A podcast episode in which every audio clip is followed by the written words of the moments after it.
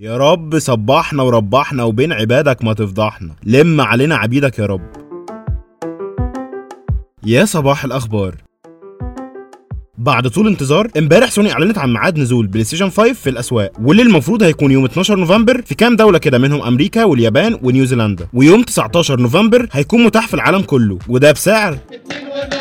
يلا بينا يلا بينا بص يا معلم النسخة العادية هتكون عاملة حوالي 500 دولار يعني تقريبا حوالي 7800 جنيه. والنسخة ال digital بقى سعرها هيكون حوالي 400 دولار يعني حوالي 6300 جنيه مصري كده. وطبعا ضيف على الأسعار دي كلها 60% جمارك. مأساة قوي والله حدوتة تخوف.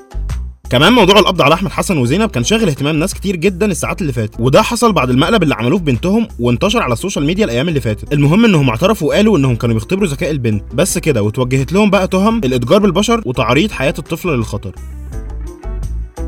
والكام ساعة اللي فاتوا انتشر على الفيسبوك ترند جديد كده وهو تحدي الانطباع الأول، ترند بقى كله فضايح كده ما شاء الله يعني أو تطبيل على حسب، وشارك فيه لحد دلوقتي حوالي 330 ألف شخص أو مفضوح بمعنى أصح، يلا. خليهم يتسلوا. كمان موضوع امتحانات الجامعات اللي هتبقى digital وحصة الألعاب اللي هتضاف للمجموع كان عامل قلبان امبارح في كل حتة. فبص بقى لو ما تعرفش يعني إيه digital فبنتمنى لك التوفيق بإذن الله ربنا يوفقك. ولو ما تعرفش إيه هي الألعاب فاحب أقول لك إن دي حصة التربية الرياضية اللي عمرنا ما تربينا فيها رياضيا أصلا.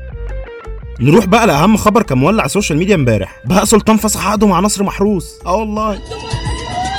والكلام ده حصل بعد تسع سنين من المشاكل اللي كانت بينهم والجري في المحاكم. وال memes بقى نزلت ترف على بهاء ومطالبات بقى ب 50 ألبوم في اليوم وحاجات كده يعني. الجمهور عطشان برضه ومستنيين البوب يرويهم.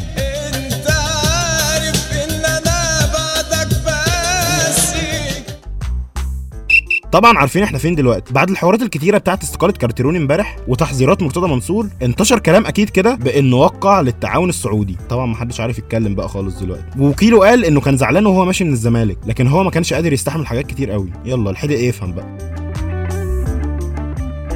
وأخيرا بقى هنقول لك شوية حاجات كده ممكن تعملهم في ال weekend ده. النهارده الخميس وده يوم التاريخ الأعظم بعد أسبوع شغل طويل جدا. فممكن تقضيها النهارده بقى مع سهرة حلوة كده مع فيلم El Camino على نتفليكس. والفيلم ده يعتبر مكمل لأحداث مسلسل Breaking Bad وبنشوف فيه اللي بيتعرض له جيسي بعد ما والتر أنقذ حياته في آخر حلقة في المسلسل. الفيلم مشوق جدا واخد تقييم 7.3 من 10 على IMDb وبكرة بقى نانسي عجرم عاملة حفلة أونلاين على الرايق كده الساعة 8 بالليل على قناتها على تيك توك.